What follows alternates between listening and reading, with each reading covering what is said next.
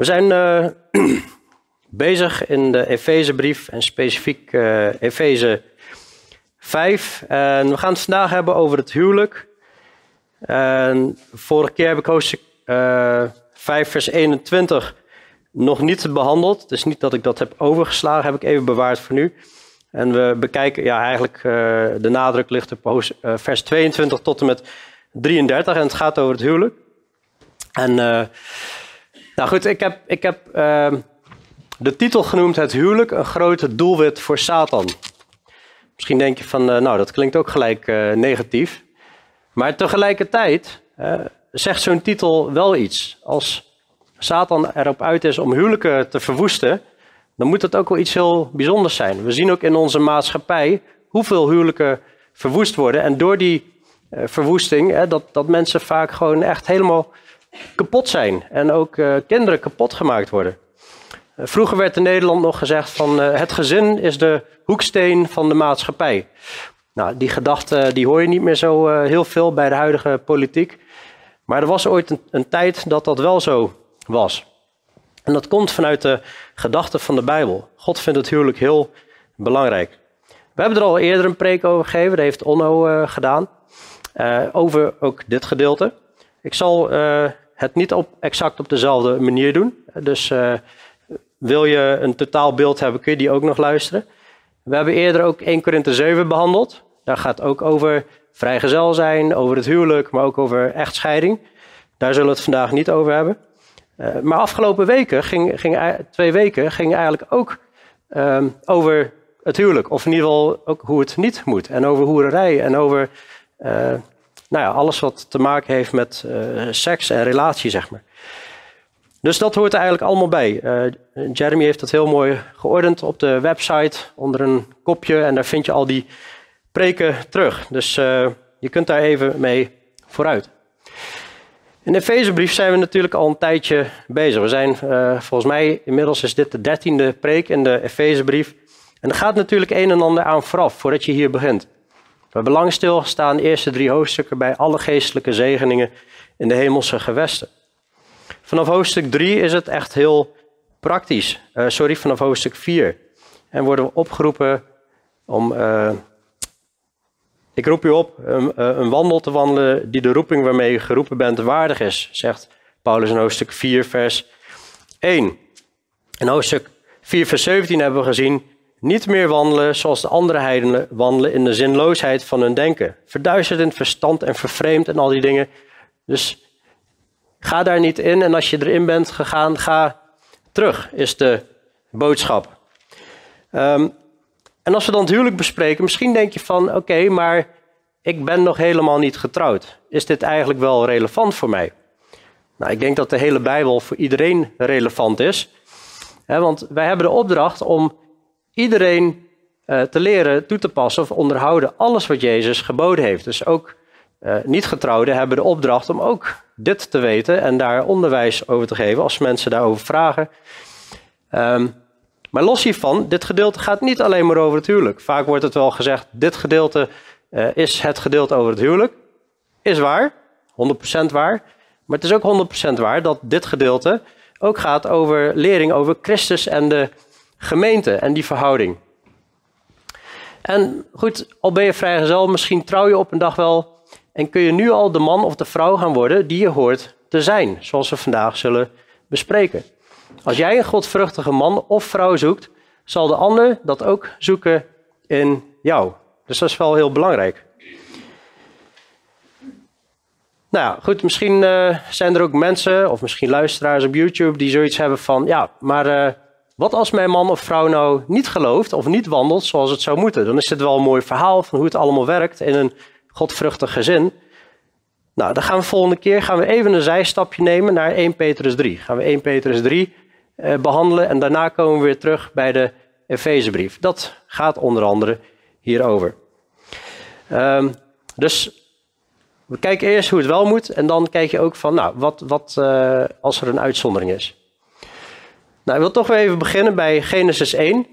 Uh, Genesis 1, daar zegt God, laten wij mensen maken naar ons beeld en naar onze gelijkenis. God wilde wezens scheppen, creëren. En die zouden iets moeten gaan weerspiegelen van hem. Die zouden op hem moeten lijken. Nou, ik heb hier een uh, plaatje van mij en uh, Rebecca. Um, maar tegelijkertijd is dat ook, tegelijkertijd is dat ook uh, niet waar. Hè? Dit, dit, dit, dit zijn niet Philip en Rebecca. Want hier, Philip staat hier en Rebecca die zit daar. Wat je, wat je hier ziet zijn niet Philip en Rebecca, maar dat is een, een beeld van Philip en Rebecca. We spreken ook over een afbeelding, hè? een beeld of een image. Hè? Created in God's image. Dit is een image, zo noemen ze dat in, in het Engels. Maar dit plaatje zegt natuurlijk wel iets over wie Philip en uh, Rebecca zijn. Je krijgt er wel een indruk van. oh, nou, die moeten dan, als ik ze in het echt zou zien, die moeten er dan ongeveer zo uitzien. Nou, zo heeft uh, God, ja, met de Photoshop en zo, maar. Ja. Maar God heeft natuurlijk ons dus gemaakt naar zijn beeld. Dus als wij kijken naar mensen, zouden we iets terug moeten kunnen zien van God. God schiep de mens naar zijn beeld, naar het beeld van God schiep hij hem. Mannelijk en vrouwelijk schiep hij hem. Heel belangrijk, mannelijk en vrouwelijk. In het Engels is er een gezegde, die heb ik van Kent Hovind. God created Adam and Eve, not Adam and Steve. En, en Eve did not become Steve. Dus uh, al die varianten die je tegenwoordig hebt, dat wijkt af van Gods woord. Heel belangrijk, één man, één vrouw. Dat is hoe de Bijbel het heeft geleerd. Ook heeft God gezegd, daarom zal een man één zijn vader en zijn moeder verlaten, twee aan zijn vrouw hechten en drie, ze zullen tot één vlees zijn. Als je de preek luistert van twee weken geleden, volgens mij behandelde Onno het ook, hè, dan dat aan zijn vrouw hechten, dat hebben we uitgelegd en dat is het onderdeel van een verbondsluiting. Dat is het, de bruiloft valt eronder, al die dingen. Maar goed, dat gaan we niet nu nog een keer eh, heel diep herhalen. Maar goed, het zou dus zo moeten zijn dat als mensen naar een man en vrouw kijken, dan zouden ze iets van God moeten zien. Het was volmaakt, het was zeer goed, heeft God gezegd. De mens wandelde ook in relatie met God. De Heer wandelde in de, in, in de avond. Uh, wat was het ook weer? Nou, in ieder geval, de Heer wandelde in, in de hof daar. Maar ja, we weten natuurlijk, zonde is tussen, mens en de, uh, tussen de mens en God inkomen staan. Maar gelukkig, heel lang geleden, of in ieder geval, het duurde een paar jaar voordat het kwam en voor ons is het al heel lang geleden, heeft God een, een verzoenend werk tot stand gebracht door Jezus Christus. En God heeft zijn grote liefde zo aan ons getoond, dat hij die relatie wil herstellen door Jezus Christus. En ja, we zijn gewassen door zijn bloed en nu mogen we weer naar zijn beeld en naar zijn gelijkenis gaan leven. En daarom zegt Efeze 4, vers 24 ook, bekleed u met de nieuwe mens die overeenkomstig het beeld van God geschapen is, in ware rechtvaardigheid en heiligheid. En dus het kan nog steeds dat we rondlopen als, uh, en, en, en gezien worden als dat beeld van God. Maar het begint wel eerst met het moment dat je op je knieën gaat bij het kruis en daar zegt: God, u bent een ontzagwekkend God en ik ga op mijn knieën voor u. want ik erken, ik ben een zondaar. Mijn zonde staat tussen u en, en mij in. En ik wil vergeving door het bloed van Jezus. Dat is waar het begint. Dat is waar godvruchtig leven begint en waar een goed huwelijk ook begint. En dan heb je de sleutel tot een godvruchtig leven. Als je hier begint en zegt, en er staat bijvoorbeeld in vers 21, wees elkaar onderdanig in de vrezen gods. Maar als jij een hoogmoedig hart hebt, en je wil helemaal niet aan ander onderdanig zijn. En dan gaat het al mis. En dan vers 22, dat wordt enorm aangevochten tegenwoordig. Vrouwen, wees uw eigen mannen onderdanig, zoals aan de heren. Dat roept weerstand op bij mensen. Vooral als ze niet gelovig zijn. Dus het begint allereerst met wat Jezus zei. Als iemand achter mij aan wil komen, en dat is geheel vrijwillig. Je hebt een keuze. Jij mag achter Jezus aankomen of niet. Iedere keuze die je maakt heeft wel consequenties. Daar ben je niet vrij in. Maar als jij achter Jezus aan wil komen, dan moet je wel iets doen. Dat, dat is jezelf compleet verlogenen. Dan moet je zijn kruis dagelijks opnemen. Dat betekent dat ga je met hem wandelen. En dat zal niet altijd makkelijk zijn. En dan ga je Jezus volgen. En mijn schapen horen mijn stem, zei Jezus. Ik ken ze en zij volgen mij. Want wie zijn leven wil behouden, die zal het verliezen. Maar wie zijn leven verliezen zal omwille van mij, die zal het behouden. Want wat baat het een mens heel de wereld te winnen en zichzelf te verliezen of zelf schade te lijden? Dus als je daar niet mee begint of als je daar nog niet bent geweest, dan wordt deze boodschap heel erg moeilijk. Maar als je zegt, ik wil mezelf verloochenen, ik wil het doen op Gods manier, dan zul je een rijke, rijke zegen gaan ervaren. En dan zul je ook beschermd gaan worden door God. Het is ook belangrijk om te beseffen dat het, het, het huwelijk, natuurlijk hebben we verlangens, mensen hebben verlangens om te trouwen. Als je getrouwd bent, hè, dat is, is hier heel moois. Maar tegelijkertijd hebben wij een grote opdracht. We zijn hier, heb ik vanmorgen ook al gezegd, omdat wij een taak hebben hier. En het huwelijk is daar onderdeel van. En die taak is, ga heen, onderwijs al de volken, hun dopend in de naam van de Vader, van de Zoon en van de Heilige Geest. Hun lerend alles wat ik u geboden heb in acht te nemen. En daar valt het huwelijk ook onder. Hoe je dat allemaal doet op Gods manier. Maar ook het huwelijk hoort een, een, een onderdeel te zijn van dat jij samen als man en vrouw bezig bent met die opdracht uit te voeren. En daar rust de zegen op. En zie, ik ben met u al de dagen tot de verleiding van de wereld. Amen. nou, de dingen op Gods manier doen. Hier, hier zegt hij ook in, in hoofdstuk 5, vers 1: Wees navolgers van God, als geliefde kinderen. En dat is een volgeling zijn van God. Dat is doen wat Jezus onderhouden heeft. En ook anderen dat leren. Nou, zijn dit nou woorden van Paulus of zijn dit woorden van Jezus? Wat Jezus geboden heeft, zien we in de Evangelie. Maar we hebben ook gezien in hoofdstuk 4, vers 17 dat Paulus zegt: Dit zeg ik dan en getuig ervan in de Here. Ook dit mogen we zien als de woorden van de Here. Nou, wat gaat er nu heel vaak mis in deze maatschappij? Is dat de verkeerde prioriteiten worden gesteld. Als het goed is herkennen jullie deze lijst. Die komt van de preek van niet afgelopen jaarwisseling, maar die jaarwisseling daarvoor. Dan heb ik een, preek gegeven over eerst Gods koninkrijk zoeken. Zoek eerst koninkrijk van God. Het ging over hoe kun je nou voor dit jaar je prioriteiten goed stellen. Dus uh, ik ben benieuwd hoe het gegaan is. Je kunt nu terugkijken. En anders moet je misschien nog eens een keer luisteren. Daar hebben we gesproken over een, een, een, een gezonde prioriteitenorde in je leven. Is God op één, gezin op twee, gemeente, werk, vrienden en het andere. Nou, hebben we helemaal onderbouwd waarom. Het gezin was bijvoorbeeld, dat leer je uit de voorwaarden voor een ouderling. Een van de voorwaarden is dat hij zijn eigen huis goed moet uh, kunnen leiden. En als hij dat doet, mag hij daarna pas zorg dragen voor de gemeente van God. Dat laat al een prioriteit zien. Zo hebben we er helemaal uitgewerkt. Maar een ongezonde volgorde, en dat is hoe de wereld leeft, iedereen, dat is ik op nummer één. Ik gelijk aan God. Of boven God zelfs. En al het andere komt op nummer twee. En nou goed, dat varieert in hoe iedereen zijn prioriteit heeft gesteld. Ik had een collega, die was 20 jaar ouder dan ik. Die man was zeer vakbekwaam, dus daarvoor echt alle respect. Maar hoe hij met zijn vrouw omging, dat was echt verschrikkelijk. Werk stond op één, zelfs bij, of ja, op bovenaan, hè, die stond helemaal bovenaan. En die man, die, er eh, was een workaholic, die werkte en werkte. En uh, nou, we hadden daar wel eens gesprekken over en hadden toch wel wat andere kijk op, op het leven, links rechts. En uh, op een bepaald moment moest hij met vakantie. En zijn relatie liep al niet heel lekker. En nou, ik had een goede vakantie gewenst. En ja, volgende dag zit hij er weer. Ik zeg, je ging toch met vakantie? Ja, ja, ja, maar ik moet eerst nog even wat afmaken. Nou, oké, prima. En ja, volgende dag zat hij er weer. Ik denk, wat, is er nou nog gebeurd? Je ging toch met vakantie? Ja, ja, ik moest even wat afmaken, maar dat liep even uit de hand. Uh, dus ja, ik kwam uiteindelijk s'avonds pas, uh, of eind van de middag pas thuis. En ja, toen had ze geen zin meer om te gaan. Ze had de hele caravan ingepakt en weet ik veel wat allemaal. Dat is gewoon dramatisch. Dat is echt dramatisch.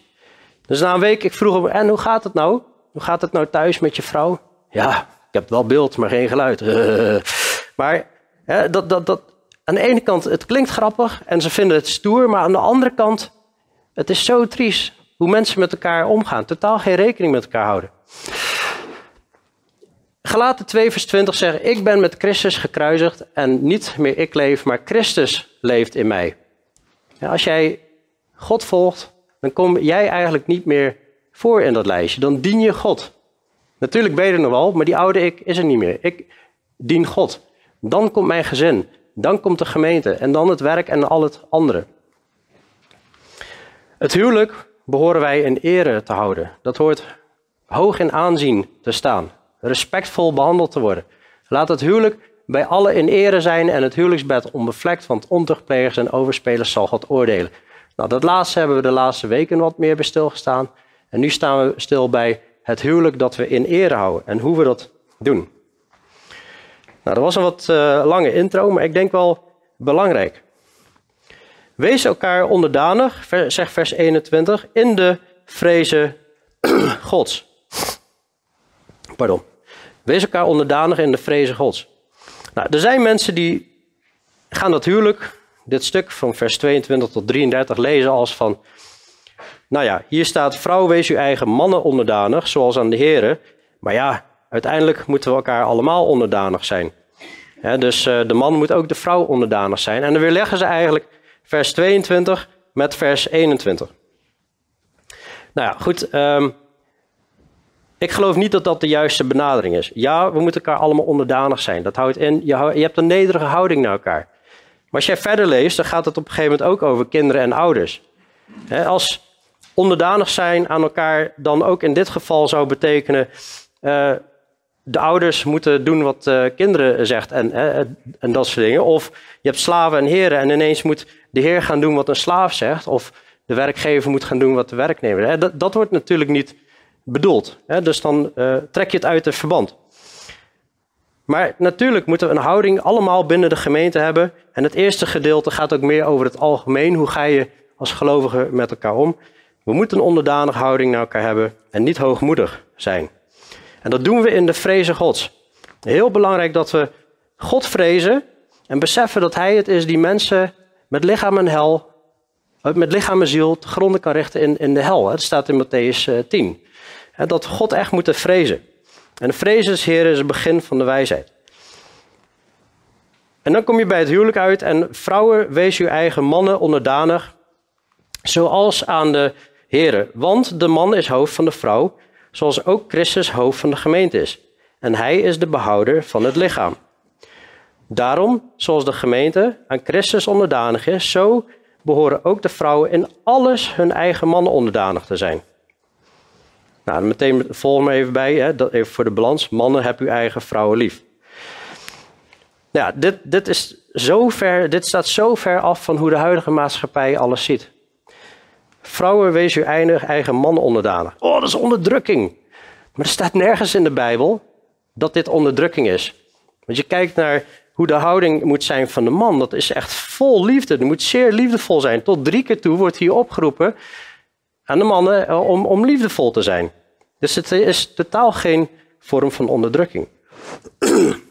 Ook hoor je wel eens van, nee, maar uh, dit moet je zien in die tijd, in die cultuur. Toen waren de dingen allemaal anders. En um, dus ja, je moet dat toch wel met een bril lezen, uh, uh, meenemen dat in deze tijd de dingen anders zijn. Nou, ik wil jullie heel even een paar minuten meenemen in wat geloofsverdediging over of, of zo'n standpunt klopt. Als wij gewoon als een kind de Bijbel gaan lezen en we gaan gewoon kijken naar de gedeeltes die gaan over de verstandhouding, de gezagsverhouding tussen man en vrouw, dan kom je eigenlijk gewoon heel logisch tot de conclusie dat de Bijbel wel echt bedoelt dat vrouwen onderdanig moeten zijn. En er hoeven niet allemaal excuses en verontschuldigingen bij te bedenken van ja, maar uh, rekening houden met uh, gevoelens. Want dit is het allerbeste. We moeten allereerst rekening houden met de gevoelens van God. Hè? We moeten vrees voor God hebben. We zien hier heel duidelijk in dit stukje al twee niet-culturele argumenten. De man is hoofd van de vrouw, zegt hij, zoals ook Christus hoofd van de gemeente is. Hij is de behouder van het lichaam. Een tweede argument, daarom zoals de gemeente aan Christus onderdanig is, zo behoren ook de vrouwen in alles hun eigen man onderdanig te zijn. En dat zijn niet-culturele argumenten. Hij, hij, koppelt het aan, eh, de man is een leider. en, eh, de, en, en, de gemeente en Christus, dat is een, een voorbeeld. dat is eigenlijk, man en vrouw zijn in dat beeld uh, en horen daarin te wandelen. Zullen we ook verder in het stuk uitgelegd zien. Twee niet-culturele argumenten. En dus het is eigenlijk man-vrouw is een plaatje van Christus en de gemeente. De gemeente is onderdanig aan Christus. En zo hoort de vrouw ook onderdanig te zijn aan de man. Het is niet zo dat de gemeente het recht heeft om zich boven Christus te stellen. Of het beter te weten dan Christus. Het gebeurt helaas wel, maar dat is niet de bedoeling. Christus heeft de gemeente lief, enorm lief. Hij heeft zijn leven voor, hen overgegeven, voor ons overgegeven. En de man behoort de vrouw lief te hebben. Nou ga je naar een ander gedeelte, in Korinthe 11, dat deelt ook met de gezagverhouding tussen man en vrouw. We hebben een preek overgegeven, kun je naluisteren voor alle details. Maar dan hebben we ooit dit plaatje laten zien. Dat zegt heel duidelijk, God is het hoofd van Christus, Christus is het uh, ja, hoofd van de, de, man en de man is het hoofd van de vrouw. Die orde is er in, die, in, de, in de schepping gegeven, of in ieder geval in de gezagsverhouding tussen God, Christus, man, vrouw. Waarbij we ook gezien hebben in de, in de gemeente, hè, dit gaat dan vooral over het huwelijk, maar het gaat even om de beargumentering van de, de rol, positie man-vrouw. En dan zie je dus Christus, die is hier een beetje uh, vaag gemaakt, zeg maar. Christus is niet meer op de aarde, die is naar de hemel gegaan. De man en de vrouw zijn nog wel op de aarde, die in Christus zijn. En er wordt ook gesproken over dat de man uh, is de heerlijkheid van God. En de vrouw is de heerlijkheid van de man. En het lange haar van de vrouw is weer haar heerlijkheid of eer. En dan spreekt hij over, daarom moet er dus een hoofdbedekking zijn, een macht op een hoofd, vanwege die gezagsverhouding. En ik geloof dat dat is zodat de heerlijkheid uh, van God, die gegeven is aan de man, dus zichtbaar wordt in de gemeente. Maar goed, het gaat nu niet om de hoofdbrekking en al die dingen, maar het gaat er even om dat we in 1 Korinthe 11 ook niet-culturele argumenten zien. En er wordt gezegd, ja, maar moet je in die cultuur plaatsen. Maar het eerste niet-culturele argument is, er is gewoon een gezagverhouding. God, Christus, man, vrouw. Dat is niet cultureel. Hij spreekt daar ook over van, ja, en uh, de man is eerst geschapen, vervolgens kwam de vrouw. Ja, dat is ook een argument waarom dit is. En het derde argument is vanwege de engelen. De engelen kijken ook toe. Die zijn ook begeerig om in te zien in al deze dingen. Die leren hier kennelijk van. Het zijn allemaal niet-culturele argumenten. Ga je vervolgens naar 1 Timotheus 2, dan gaat het ook over um, ehm, 1 Timotheus 2 vers 12, dat de vrouw niet onderwijs hoort te geven, ook niet de leiding hoort te hebben in de gemeente. Ook daar noemt hij twee niet-culturele argumenten. Eh, want de man is eerst geschapen, daarna de vrouw. En de vrouw heeft eerst gezondigd. En, daar, en, en die is tot verleiding gekomen. Dus pak je drie gedeeltes op, die gaan over de gezagverhouding tussen man en vrouw. Allemaal noemen ze verschillende niet-culturele argumenten. Nou, als dat nog niet genoeg onderbouwing is, dan heb je dus in Efeze 5, in Colossense 3 en in 1 Petrus 3 staat alle drie genoemd dat de vrouw de man onderdanig hoort te zijn. Dus volgens mij sluit er daarmee volledig uit, is hiermee verdedigd en onderbouwd, dat uh, dit wel degelijk de rol is voor de vrouw. Maar dit is absoluut geen onderdrukking. En dat is, dat is weer een draai geven aan Gods woord, wat Gods woord zelf niet zegt.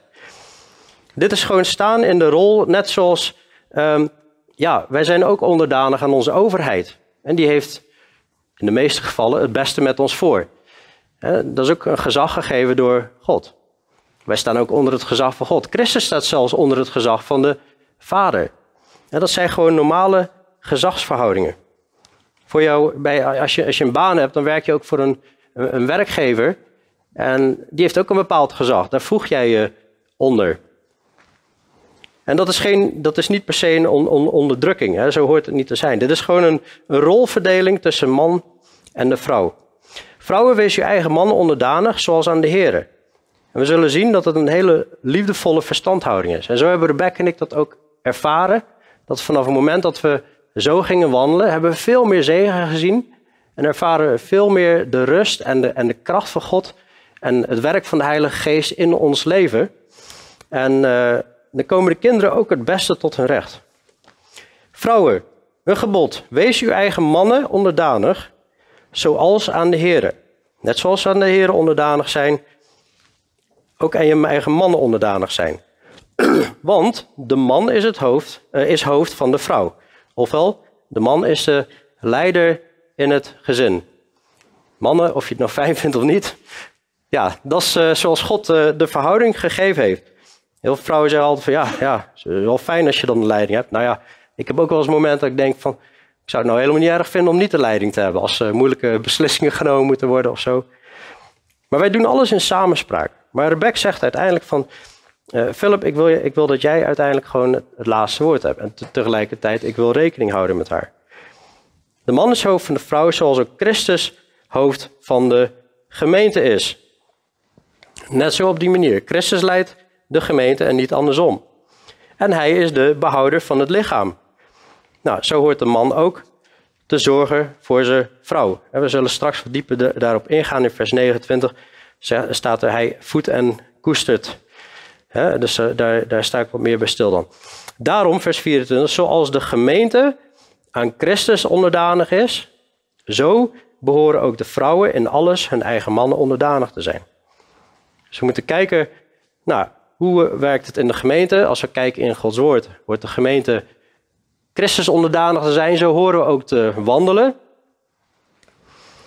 Ja, als dat beeld niet uh, klopt, is dat natuurlijk ook lastig. Maar we kijken in de schrift in ieder geval, de gemeente is aan Christus onderdanig. En zo behoren ook de vrouwen niet in een beetje, niet in heel veel, maar in alles hun eigen mannen onderdanig te zijn.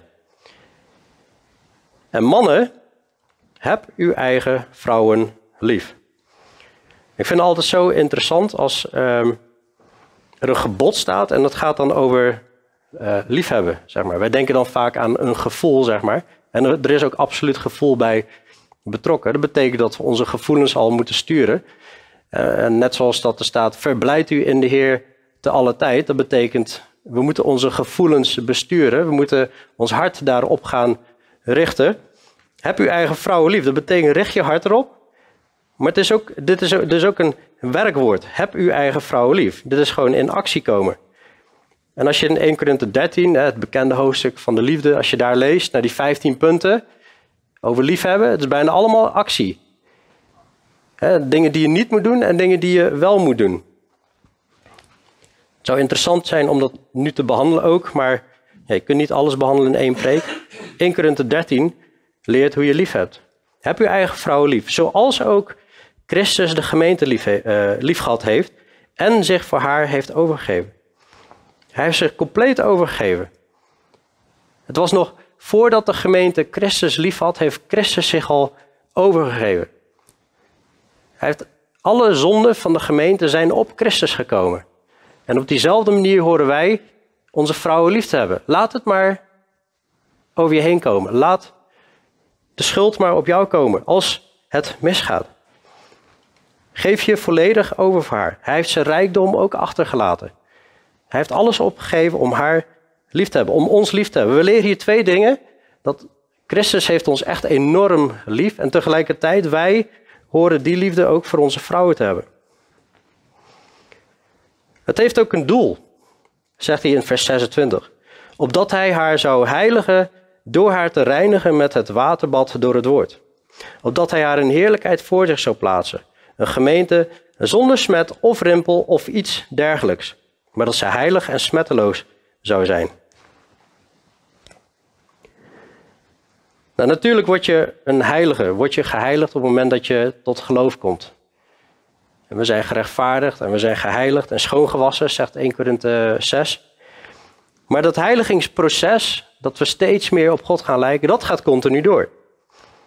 Opdat hij haar zou heiligen door haar te reinigen met het waterbad door het woord. Nou, wat wordt hier nou bedoeld met dat waterbad? Gaat dat nou over de, de doop?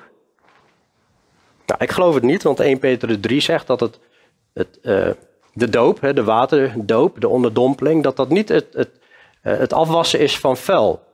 Maar dat is een vraag aan God voor een goed geweten. Er staat hier ook met het waterbad door het woord. En waar, wat ik geloof er naar verwezen wordt met het waterbad, en dat is het oude tabernakel. Jezus heeft ook gezegd, heilig hen door uw waarheid. Uw woord is de waarheid. Dat was zijn laatste gebed aan de Vader voordat hij stierf. In het tabernakel, ik ga hem niet helemaal uitleggen, heb je hier de tent. Daar zat het heilige in en het heilige der heiligen. Hier heb je het altaar. En daar werd bijvoorbeeld een lam geslacht. Dat is waar eigenlijk een verwijzing naar het offer van Jezus. Daar begint het. Je begint bij het offer van Jezus. Maar vervolgens, voordat de priesters gingen dienen en ze het heilige in mochten, moesten ze zich eerst reinigen met water uit dat waterbad. Uit het koperen wasvat. Eerst reinigen, want je bent in contact geweest met de wereld. En dan kom je in dat heilige de heilige.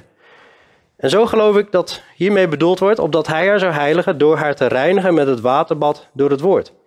Christus reinigt ons, hij verandert ons in ons denken. En dat woord wijst ons weer op van, oei, hier zit ik niet goed. Hier moet ik echt weer op de knieën. Hier moet ik echt vergeving vragen. Hier moet ik mezelf weer echt keren naar God.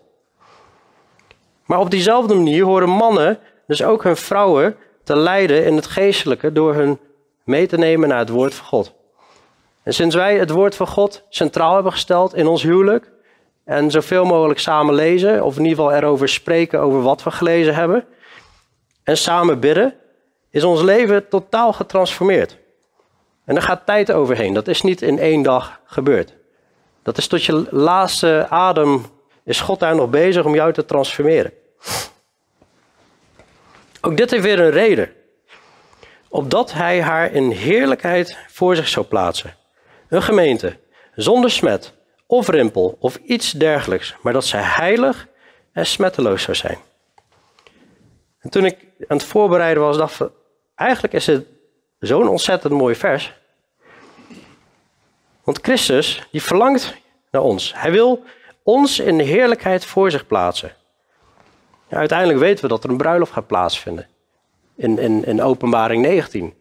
Jezus gaat ons opnemen en, en op een dag hebben we een bruiloft in het vooruitzicht. Maar hij wil haar in heerlijkheid voor zich plaatsen. Een man, hè, en dit is zo geniaal in het stuk, terwijl we leren over Christus en de gemeente, leren we ook over de man en de vrouw.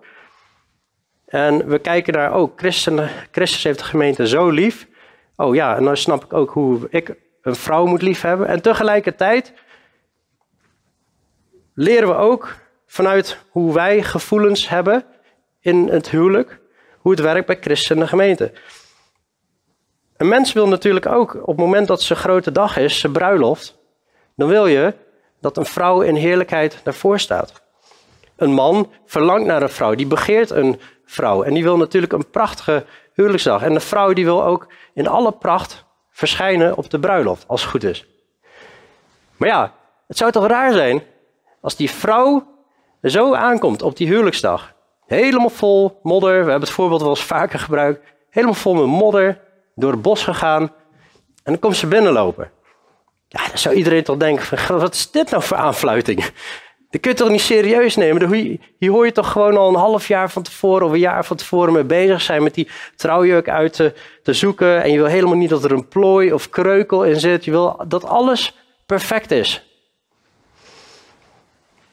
Nou, op diezelfde manier wil God ons in heerlijkheid voor zich plaatsen. En ik, ik, moet zeggen, ja, ik, uh, als je trouwt, ben je heel blij met je vrouw. Hè? Dus die, die, die ziet er goed uit, is nog jong. En ze zeggen wel eens ja, nou, ja, die schoonheid dat gaat eraf na verloop van jaar. Um, waar, waar, gaat hij heen? Waar gaat hij heen? Hoe gaat hij dit nog goed praten? maar het, het, gaat goed komen, hoop ik. Jullie, jullie krijgen de terugkoppeling nog wel. Nog wel. Nee, maar ik heb, ik heb echt gemerkt dat door de jaren heen ik mijn vrouw alleen maar mooier ben gaan vinden. Omdat ze ook van binnen aan het transformeren is, zeg maar. En dat is eigenlijk wat, wat Christus wil. Hij wil een vrouw zonder rimpel of iets dergelijks, maar hij wil er heilig en smetteloos voor zich hebben. En dit stukje staat niet op zich, dat kom je op veel plekken tegen. Een hele stevige, duidelijk in ieder geval, is Filippenzen 2 vers 12. Werk aan uw eigen zaligheid met vrees en beven. Zeer serieus nemen. Ook hier wordt gesproken over hè, de vrezen Gods in hoofdstuk 5. Want het is God die in u werkt, zowel het willen als het werken, naar zijn welbehagen. Doe alle dingen zonder morren en meningsverschillen. Niet klagen, niet zeuren. Natuurlijk moet je wel eens dingen uitpraten of over dingen praten of onderzoeken. Hè, maar Geen klagende houding hebben. Opdat u onberispelijk en oprecht zult zijn, kinderen van God, smetteloos, te midden van een verkeerd en ontaard geslacht, waaronder u schijnt als lichten in de wereld. Onberispelijk, oprecht, smetteloos, allemaal van dat soort termen worden continu gebruikt door de hele Bijbel heen. Hier wordt gesproken een gemeente zonder smet, zonder rimpel of iets dergelijks. En dan schijnt je licht te midden van een verkeerd en ontaard geslacht.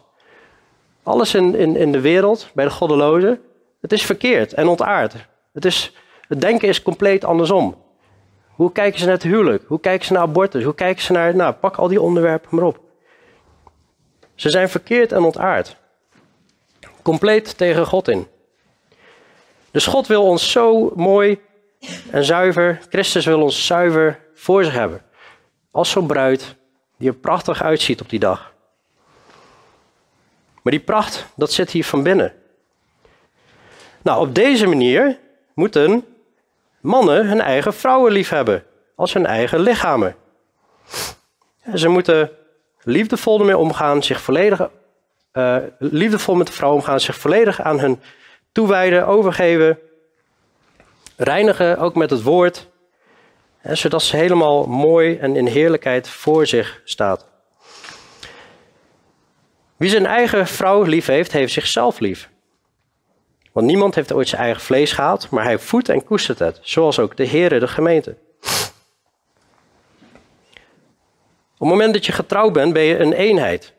daarom staat hier, wie zijn eigen vrouw lief heeft, heeft zichzelf lief. Je bent één geworden. Als je je vrouw niet lief hebt en je haalt het bloed onder de nagels uh, vandaan bij elkaar, ja, dan ben je eigenlijk het bloed onder je eigen nagels vandaan te halen, want je bent een eenheid. Niemand heeft ooit zijn eigen vlees gehaat, staat hier, vers 29. Maar hij voedt en koestert het. Zoals ook de Heer de gemeente. De gemeente wordt gekoesterd en gevoed door de Heer. Dat gaat natuurlijk om ons, ons dagelijks brood, maar ook de geestelijke voeding en het koesteren. Het is een woord dat ik niet elke dag gebruik, koesteren. En dus ik heb. Uh, oh, wacht even. Ik heb uh, daarvan gemaakt in combinatie met vandalen en van die simpele Bijbels, zeg maar. Uh, zorgt liefdevol voor. Hij voedt en koestert het, zoals ook de Heere de gemeente. Maar ik nog even terug naar deze slide. dat dagelijks voeden en, en koesteren Um, dat begint, geloof ik, en, en zorgen voor de vrouw en haar heiligen met badwater, uh, met het woord, al die dingen. Dat begint, geloof ik, met gewoon ook tijd voor elkaar maken. Gewoon kopje koffie of kopje thee drinken samen. Ik, ik heb op verschillende bruiloften mogen spreken en dit vaak aangehaald. Gewoon, het klinkt zo ultra logisch en toch wordt het heel vaak vergeten om gewoon even uh, tijd met elkaar te plannen en met elkaar te zetten. Hoi, hoe gaat het? Um, zijn er dingen uh, die goed gaan of die niet goed gaan? Hoe gaat het met je geestelijk leven? Uh, gewoon van die simpele vragen, die stellen we aan elkaar en dan komen hele gesprekken op gang. Open samen Gods woord binnen het huwelijk. Bid samen, je hebt het zo hard nodig. Bid samen voor je eigen huwelijk, voor kinderen als die er zijn, maar ook voor de gemeente, ook voor elkaar. We zitten in een geestelijke strijd, zullen we in Efeze 6 ook bij stilstaan. En kom in actie. Het is niet alleen maar leuk Bijbel lezen. Dat is ook fijn. Maar de Bijbel roept ook op om te gaan wandelen. Een relatie in een relatie met God. En, en dit is het leven rondom het, het moet een kruis voorstellen, het leven rondom het kruis. Het leven waarin Christus centraal staat. En Jezus wilde het ook. In Johannes 15 heeft hij gezegd, hiertoe heb ik jullie bestemd dat je heen zou gaan en vrucht dragen. En vrucht dragen is niet alleen maar mensen tot geloof brengen, dat is ook vrucht. Maar vrucht dragen is ook Godvrucht in je huwelijk op een manier met elkaar omgaan zoals God het bedoeld heeft. Dat is ook Godvrucht. Dus hij voedt en koestert het, zoals ook de Heere de gemeente. Nou, heel praktisch betekent dat dus, waar ik het al over gehad heb, als eerste in het geestelijke, in de geestelijke dingen, levensheiliging, daarmee bezig zijn. Dat gebeurt pas als jij ook tijd maakt om samen Gods woord te openen. Als je alleen maar uh, Netflix-series zit te kijken of, of uh, allemaal andere dingen zit te doen. Je kunt je hele, de hele dag kun je vullen met andere dingen. Dan kom je hier niet aan toe. Emotioneel hè, hou je ook rekening met gevoelens van haar. je behaagt haar, je toont liefde. en je toont warmte. En we zijn niet alleen geestelijke wezens, maar ook emotionele wezens. Na afloop gaat iedereen vragen hoe, uh, hoe ik het doe bij Rebecca, maar, uh, maar ja, mentaal, we zijn ook verstandelijke mensen. En je, je leert haar kennen. Uh, je weet wat haar bezighoudt in het dagelijkse leven, met de kinderen, met het werk. Je bent begripvol, je praat, je vergeeft. En dit, daar gaan we volgende keer bij stilstaan en vergeven. Dat is superbelangrijk. In 1 Peter 3 staat dat als een man niet met begrip met zijn vrouw samenleeft, dan worden je gebeden verhinderd. In Matthäus 6 staat, als wij de ander niet vergeven, dat de vader ons ook niet vergeeft. Dat komt na het gebed van onze vader, van het onze vader. Wat heel veel mensen niet weten. Die versen komen erachteraan. Als wij anderen wel vergeven, zal de vader ons ook vergeven. Dus op het moment dat wij geen begrip meer tonen als mannen en we vergeven onze vrouw niet, dat betekent dat de hemel sluit voor jouw gebeden. En dan heb je gewoon, dan ben je niet meer online. Dat is echt heel zwaar. Nou, recentelijk hadden we nog een man, die, een gelovige man, die wilde gaan scheiden. Ik heb een gesprek met hem uh, gehad. En ik heb hem dit voorgehouden. Besef je echt wat je aan het doen bent? Als je, als je doorgaat met deze stap, Jezus heeft gezegd dat die scheiding, dat is vanwege de hardheid van je hart. Dan heb je je verhard naar God, dan heb je een ernstig probleem. En dat zeg ik echt uit liefde. En hij heeft gelukkig geluisterd. Ik zei, je gaat de hemel sluiten op dit moment. Dat ben je al aan het doen. Voor jouw gebeden. Hij heeft geluisterd, hij heeft hierover nagedacht. Gelukkig hebben ze de keuze gemaakt om samen weer op te pakken, samen Gods woord te lezen, samen te gaan bidden. En het gaat nu gelukkig ook een stuk beter. Dat is niet om mij. Dat is gewoon, ik zeg gewoon wat Gods woord zegt. En gelukkig geven mensen daar gehoor aan. Nou, fysiek. Het fysieke aspect heb je natuurlijk ook nog in het koesteren. Je geeft knuffels, je geeft om haar. Ja, fysiek heb je ook nog andere dingen, die hoef ik niet uit te leggen. En ze voelt zich geliefd. Ja, je hoeft niet al over alles onderwijs te geven. Maar goed, zelfs over het fysieke, hè, daar worden wel eens vragen over gesteld. Hoe, welke dingen kunnen nou wel en niet in het huwelijksbed? Nou, ook interessant om een keer over te hebben, maar um, sla ik nu even over. Materieel. Ik geloof uiteindelijk, omdat de man leidt, is hij ook eindverantwoordelijk voor het zorgenvaar, ook financieel. Waarmee ik niet zeg dat het verkeerd is als een vrouw ook werkt. Vooral als je geen kinderen hebt, dan heb je gewoon alle tijd daarvoor. Maar uiteindelijk geloof ik wel dat je eindverantwoordelijke bent daarin. Ook daarin en de kar moet trekken. Vooral als ze kinderen heeft, dan uh, wordt het voor haar lastiger. Maar ook je tijd. Maak je tijd voor haar. Is ze, is ze belangrijker dan je werk? Ja, ze, ze is belangrijker dan je werk. Ik haalde al het voorbeeld aan van hoe het ook kan in de wereld. Dat is totaal niet wat God wil. Maar als we geen tijd vrijmaken voor onze vrouwen en overal maar tijd vrij behalve onze vrouw, dan wordt het lastig. En je energie. Is er nog voldoende energie over op de momenten dat je met haar afspreekt? En het kan natuurlijk altijd wel eens hè, dat er dingen tussenkomen en dat je dan een keer geen energie hebt. Of is het altijd wanneer je ja, eindelijk tijd hebt met je vrouw, dat je vervolgens in slaap valt op de bank omdat je het niet meer trekt? Is zij zo belangrijk voor je dat je nog energie voor haar hebt? Nou, volgens mij kun je nog uh, doorgaan met allemaal dingen. Misschien heb ik ze allemaal gehad, maar ik denk dat het, de, het beeld wel begrijpen. In de praktijk. Hoe voed je je vrouw? Hoe koester je je vrouw? En zoals ook de Heer de gemeente, eh, voor de gemeente zorgt. Ik wil eindigen met 1 Johannes 4, vers 10. En 1 Johannes 4, vers 10 zegt: Hierin is de liefde. Hierin is de liefde. Niet dat wij God lief gehad hebben, maar dat Hij ons heeft lief gehad. En zijn zoon zond als verzoening voor onze zonden. Geliefde, als, ons, eh, als God ons zo, hè, op deze manier lief had, moeten ook wij elkaar lief hebben. Hoe had God ons lief? Hij had ons lief op een manier dat hij ons eerst lief had. Nou, en daarna zijn wij hem gaan liefhebben. Dus altijd het initiatief bij jezelf leggen om de ander lief te hebben. En niet zeggen, ja maar hij, ja maar hij zei. Elke keer die eerste stap nemen en de ander willen vergeven. Zo, op die manier moeten ook wij elkaar lief hebben. En als we dat doen, dan krijg je echt een enorm godvruchtig leven. Dan krijgt de Heilige Geest ruimte in je leven. dan zullen die stromen van levend water zullen gaan vloeien binnen jouw huwelijk. Dan ga je een stukje hemel op aarde ervaren. Het zal ook aantrekkingskracht hebben naar anderen. Die zullen ook willen weten hoe werkt dat, hoe doe je dat. En dat heeft invloed op anderen, ook om je heen. En vooral op je kinderen.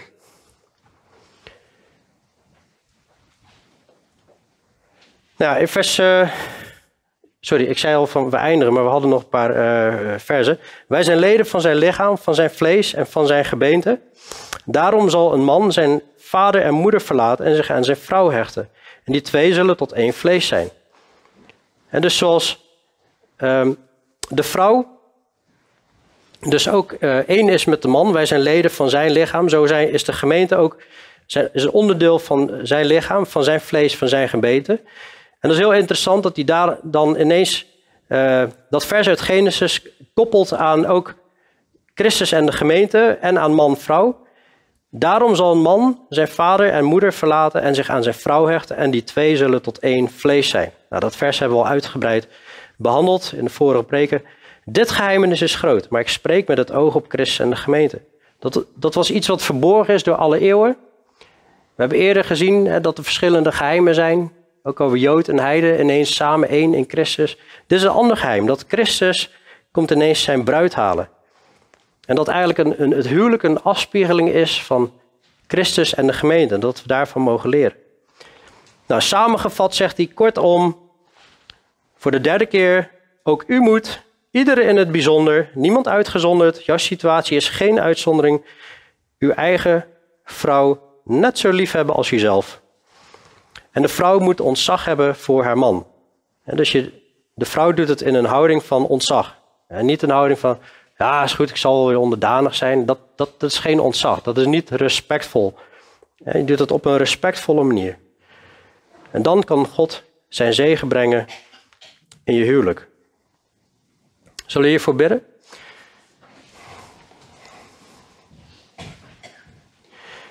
Hemels Vader, Heer Jezus, Heer, dank u wel voor dit gedeelte. We hebben het al eerder behandeld. En er valt zoveel te leren en te zeggen over het huwelijk. Ik wil uh, ja, danken voor uh, alle lessen die hierin staan. En ja, ook vragen dat we het allemaal mogen toepassen in ons uh, leven. Dat we een godvruchtig huwelijk mo mogen hebben. En ook u hierin verheerlijken. Heer, en als we nog niet de houding hebben, ja, zoals we hebben gezien, Heer, wilt u daar dan in schuren en schaven en ons helpen.